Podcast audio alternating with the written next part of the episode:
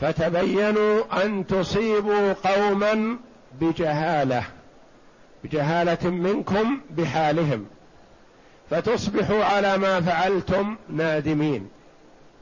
وفي حياة الرسول صلى الله عليه وسلم يأتي الوحي من السماء يأتي الخبر من الله جل وعلا الذي يعلم السر وأخفى. لكن هذا تعليم للأمة في حال حياته صلى الله عليه وسلم وبعد مماته. بعد مماته ما في وحي. قد نتخذ إجراءات على قول الفاسق فإذا هو خطأ. وقد أجمع المفسرون أو أكثر جلهم على أن هذه الآيات في سبب نزولها نزلت في بني المصطلق. نزلت في الوليد ابن عقبة ابن أبي معيط. أرسله النبي صلى الله عليه وسلم ليجمع وليقبض صدقات بني المصطلق. وبني المصطلق أصبحوا أصهار رسول الله صلى الله عليه وسلم. فلما جاءهم وعلموا عن توجه الرسول إليهم رسول رسول الله فرحوا وسروا بهذا وخرج جماعة منهم يستقبلونه. فهذا الرجل المبعوث إليهم لما علم عن خروج جماعة منهم إليه خاف. وكان كما يقال بينه وبينهم إحن في الجاهلية عداوة. وقال في نفسه وألقى الشيطان في نفسه إنهم ما خرجوا إليه إلا ليقتلوه. فرجع إلى المدينة. وقال للنبي صلى الله عليه وسلم إن بني المصطلق منعوا إعطائي الزكاة وكادوا يقتلونني. فغضب النبي صلى الله عليه وسلم لذلك وذلك أن الحارث ابن ضرار الخزاعي والد جويرية بنت الحارث أم المؤمنين رضي الله عنها. جاء إلى النبي صلى الله عليه وسلم بعد غزوة بني المصطلق. الرسول عليه الصلاة والسلام غزاهم وسبى وغنم منهم غنائم وهم في حالة كفر. ومن ضمن السبي والنساء المأخوذات جويرية بنت الحارث. والرسول صلى الله عليه وسلم قسم الغنائم بين الغازين المجاهدين.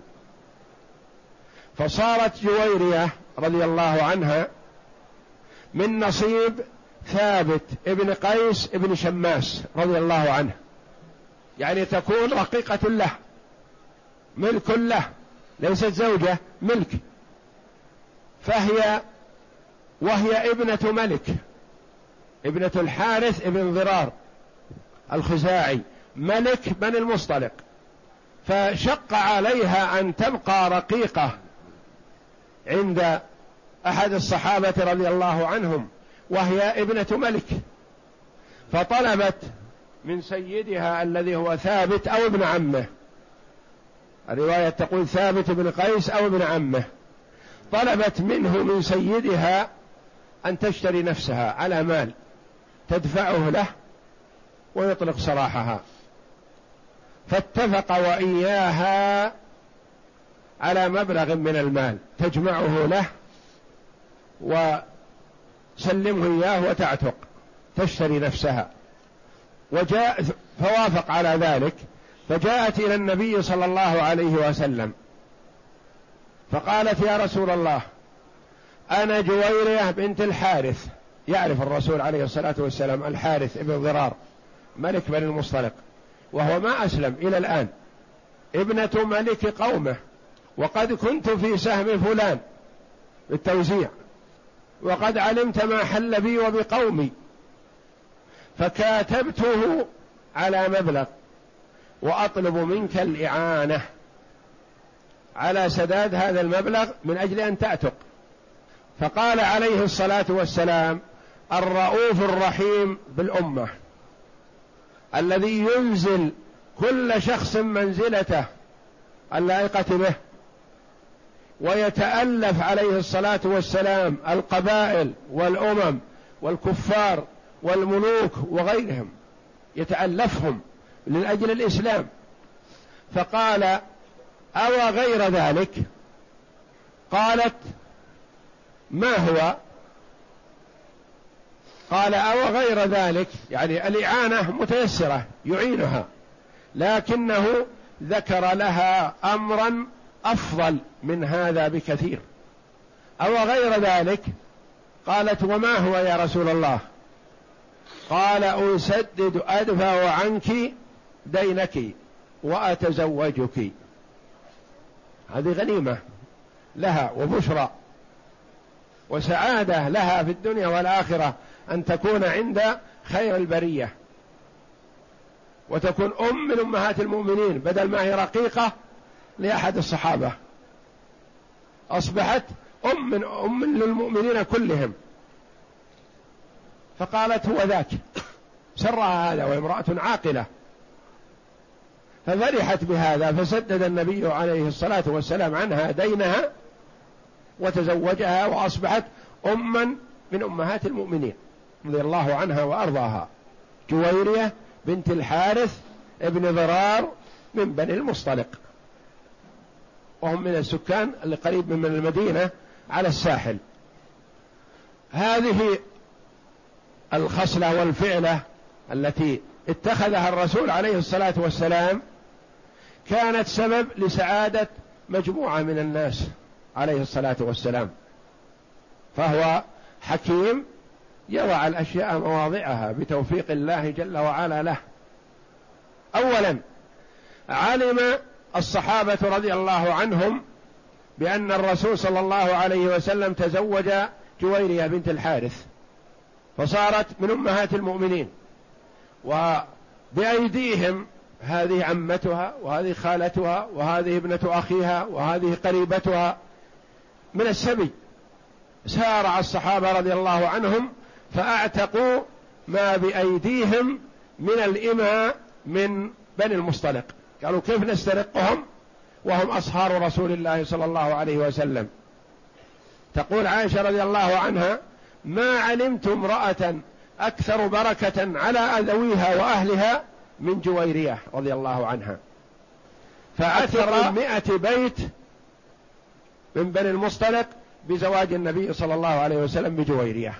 هذه واحدة وأمور كثيرة عظيمة. الأمر الثاني والأكثر أن الحارث بن ضرار ملك بني المصطلق الهارب عن الدعوة لما جاء الجيش الإسلامي جاء علم أن ابنته أصبحت أم المؤمنين.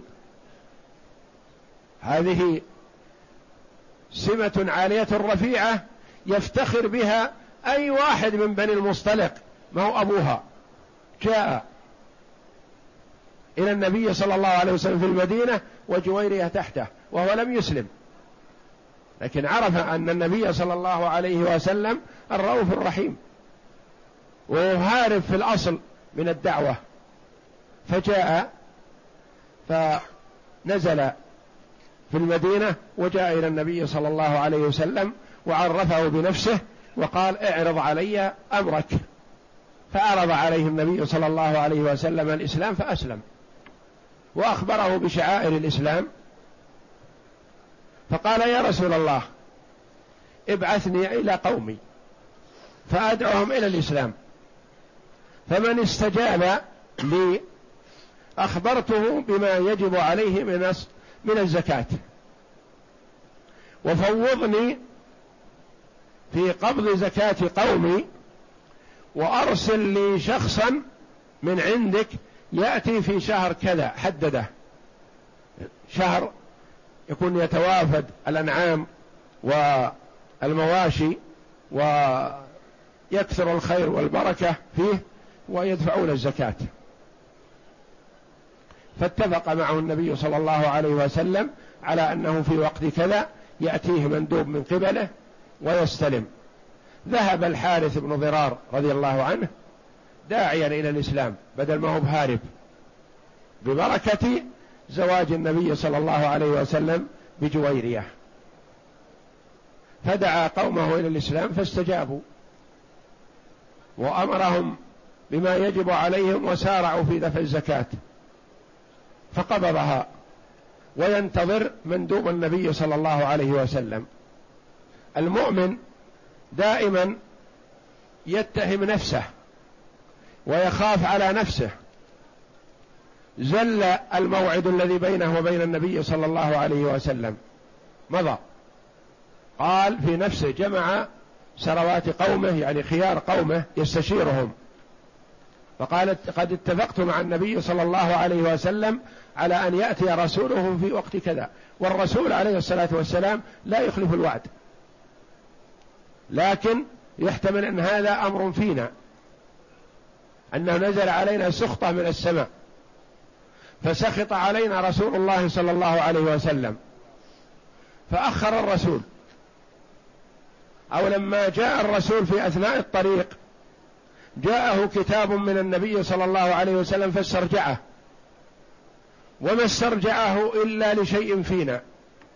سخطة من الله علينا فسخط علينا الرسول عليه الصلاة والسلام. فهل لا نستدرك الأمر؟ نسترضي رسول الله صلى الله عليه وسلم ليرضى عنا ربنا رضي الله عنه. فتوجه هو وبعض سرات قومه من خيارهم إلى المدينة مرة أخرى. فلما قرب من المدينة فإذا جيش قد خرج من المدينة لغزو بني المصطلق. فقال لهم تقابل وإياهم إلى أين بعثتم؟ قالوا بعثنا إليكم. ولماذا؟ لنقاتلكم. ولماذا؟ لأنكم منعتم الزكاة. وهممتم بقتل رسول رسول الله صلى الله عليه وسلم. فبعثنا رسول الله صلى الله عليه وسلم لتأديبكم. فقال والذي بعث محمدا صلى الله عليه وسلم بالحق ما جاءنا الرسول. وإنا على ما اتفقنا عليه مع رسول الله صلى الله عليه وسلم. وإنني قد جمعت زكاة قومي انتظر رسول رسول الله صلى الله عليه وسلم فلم يأتي. فلما تأخر علي أتيت بها. فأنزل الله جل وعلا هذه الآيات الكريمة.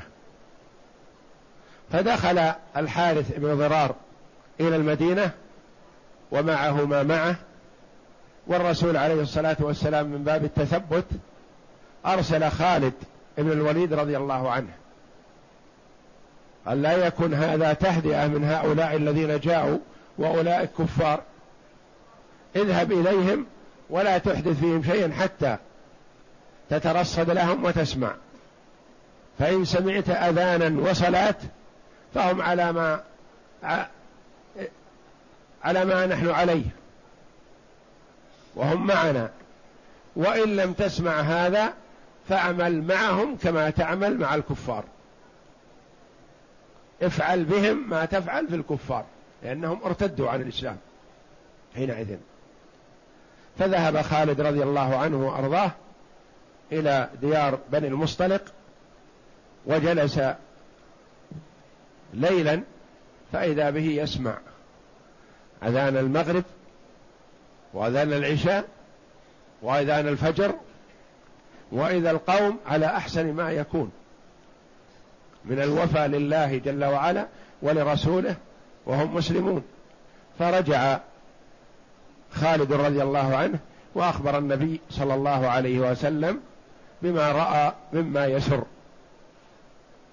فأنزل الله جل وعلا هذه الآيات تعليما للأمة بأن لا يتعجلوا ويتثبتوا إذا جاءهم خبر ممن لا يوثق به.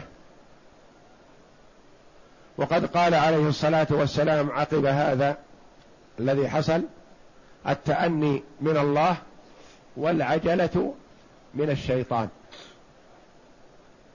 فعن الحارث بن ضرار الخزاعي قال قدمت على رسول الله صلى الله عليه وسلم فدعاني إلى الإسلام فدخلت فيه. يعني بعد الغزوة. لأن أول غزاهم النبي صلى الله عليه وسلم. فهربوا وسبى الرسول عليه الصلاة والسلام النساء والذرية. انهم كفار. وأقررت به. ودعاني إلى الزكاة فأقررت بها. وقلت يا رسول الله أرجع إلى قومي فأدعوهم إلى الإسلام وأداء الزكاة. فمن استجاب لي جمعت زكاته. وترسل إلي يا رسول الله رسولا إبان كذا وكذا يعني في وقت كذا وكذا كأنه قال يعني في وقت الربيع أو في وقت الخريف أو نحو ذلك.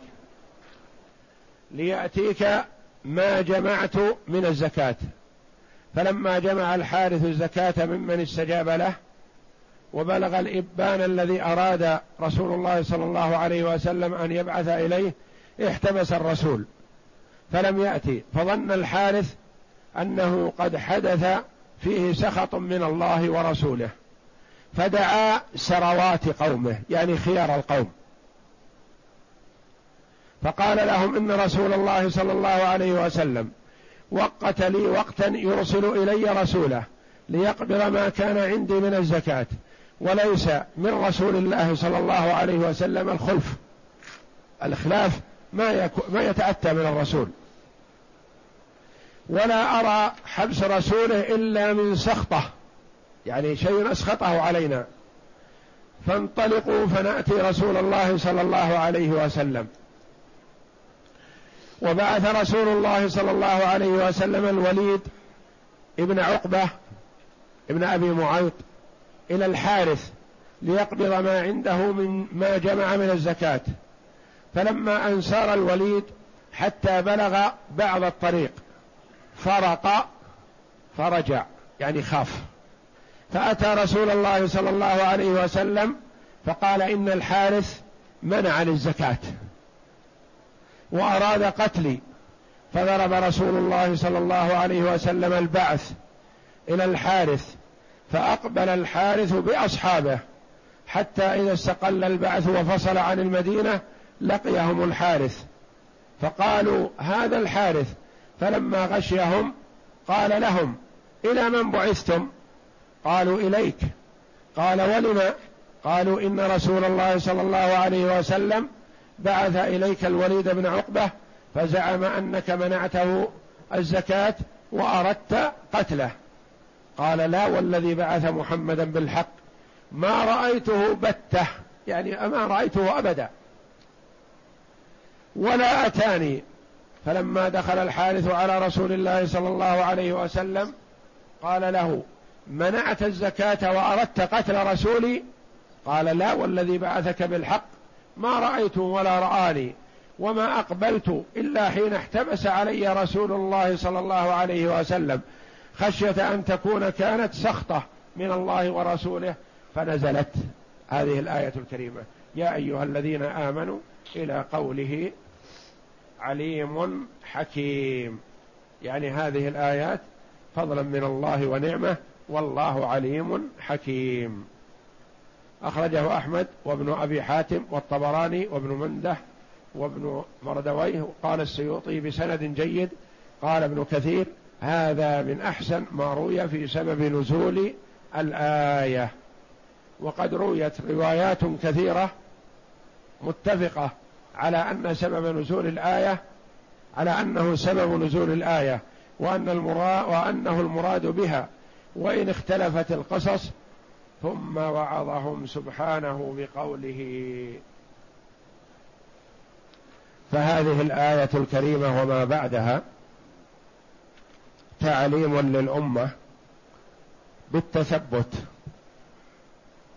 وعدم الاستعجال في اتخاذ أي أمر من الأمور حتى يتبين الأمر جليا.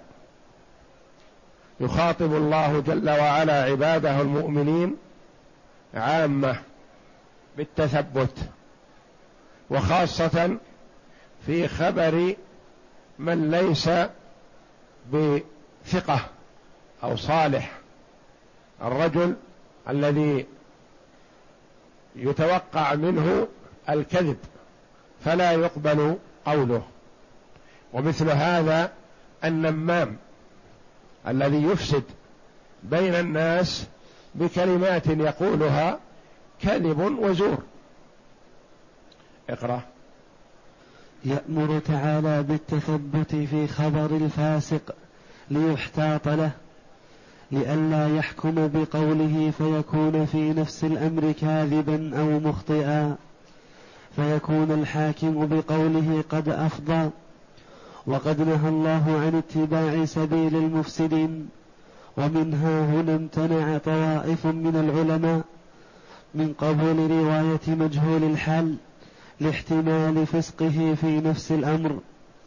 وقبل ولهذا علماء السلف رحمة الله عليهم لا يأخذون حديث رسول الله صلى الله عليه وسلم إلا ممن ثبت لديهم أنه ثقة وعدل حتى لا يدخلوا في الشريعة أشياء ليست منها فلا يقبلون الحديث من الفاسق ولا يقبلون الحديث من مجهول الحال حتى تتبين عدالته. حتى لو كان مجهول ما ليس بفاسق لكنه مجهول فلا يقبل لأنه لا يدرى عنه. كما قال عمر رضي الله عنه لما جاءه الشاهد قال لا أعرفك ولا يضيرك أني لا أعرفك ما ينقصك أني ما أعرفك. فأتي بمن يشهد بعدالتك حتى أقبل قولك لا أعرفك ما جرحه رضي الله عنه. قال ولا يضيرك أني لا أعرفك لكن لابد من شهود يشهدون بعدالتك حتى أقبل قولك. فكان السلف رحمة الله عليهم يهتمون في باب الجرح والتعديل لرواة الحديث ويعرفون هذا بالعدالة والصدق والأمانة والضبط.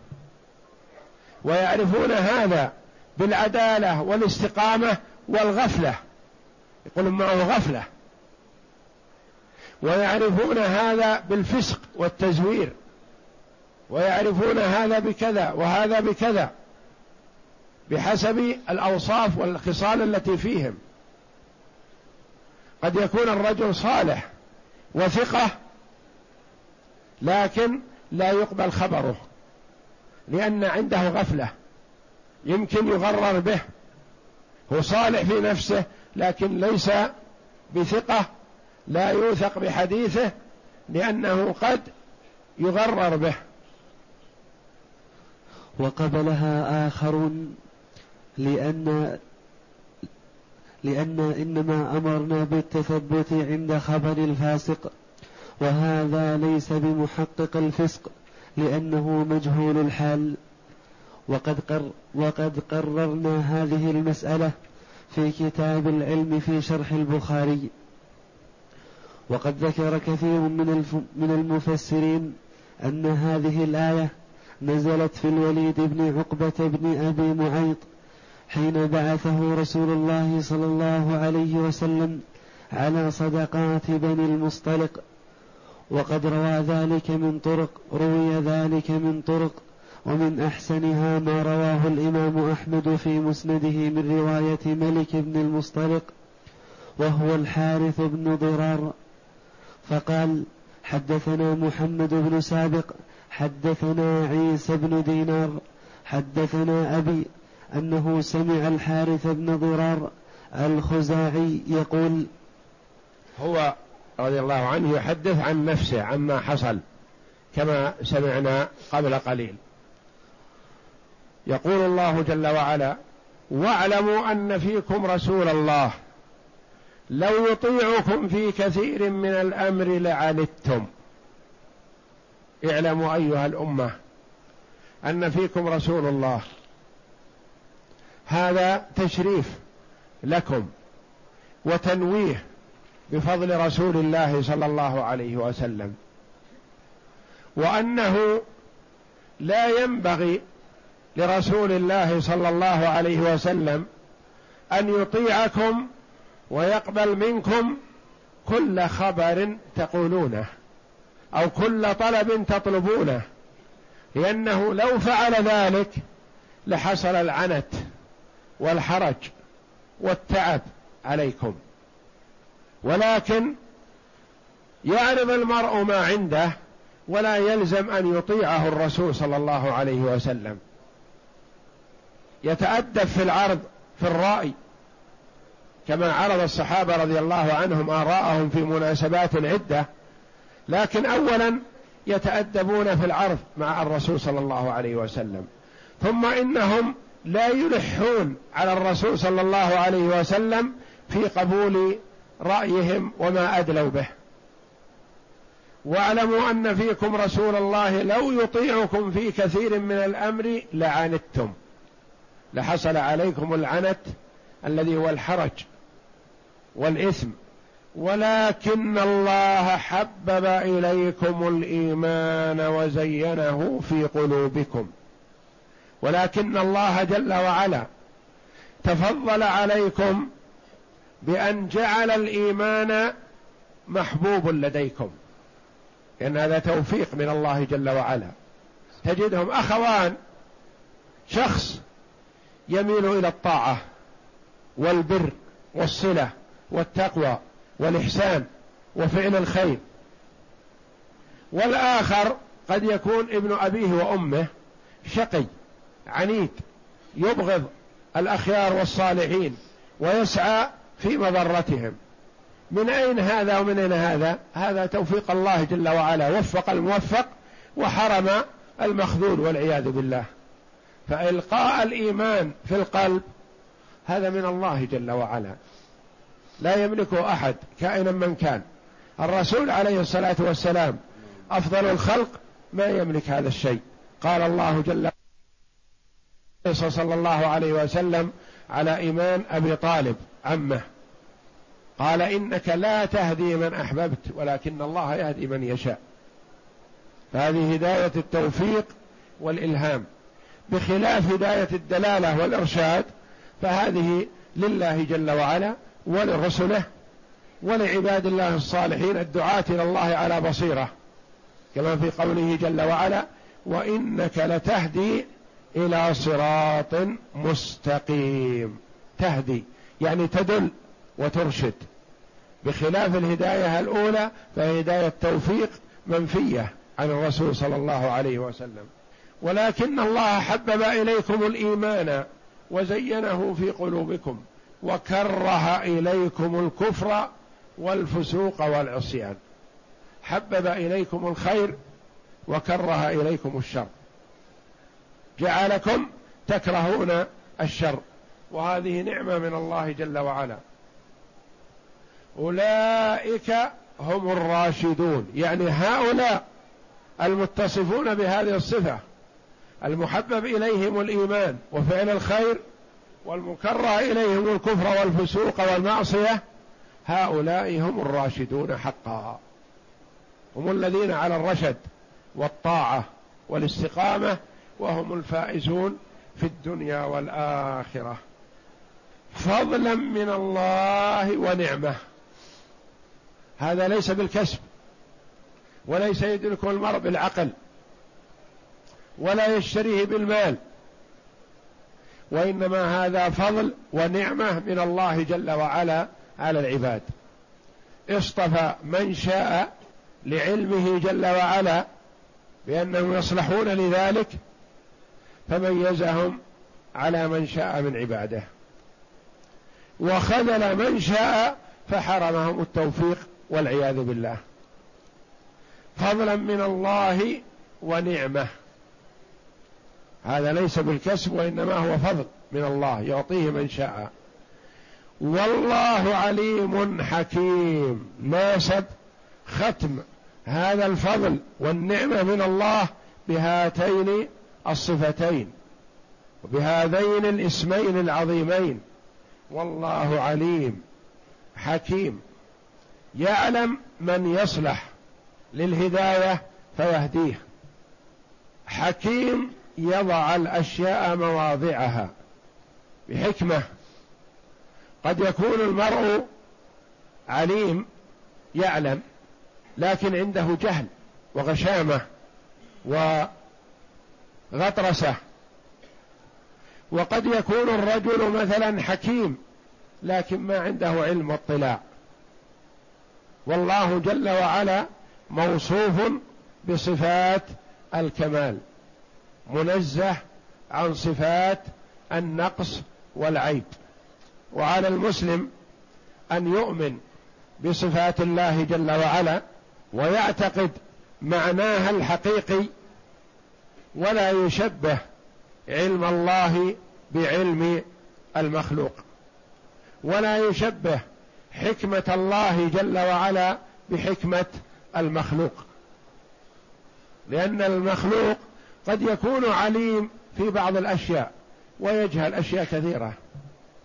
حكيم في شيء ما ولا يستطيع وليس عنده حكمة في أمور أخرى.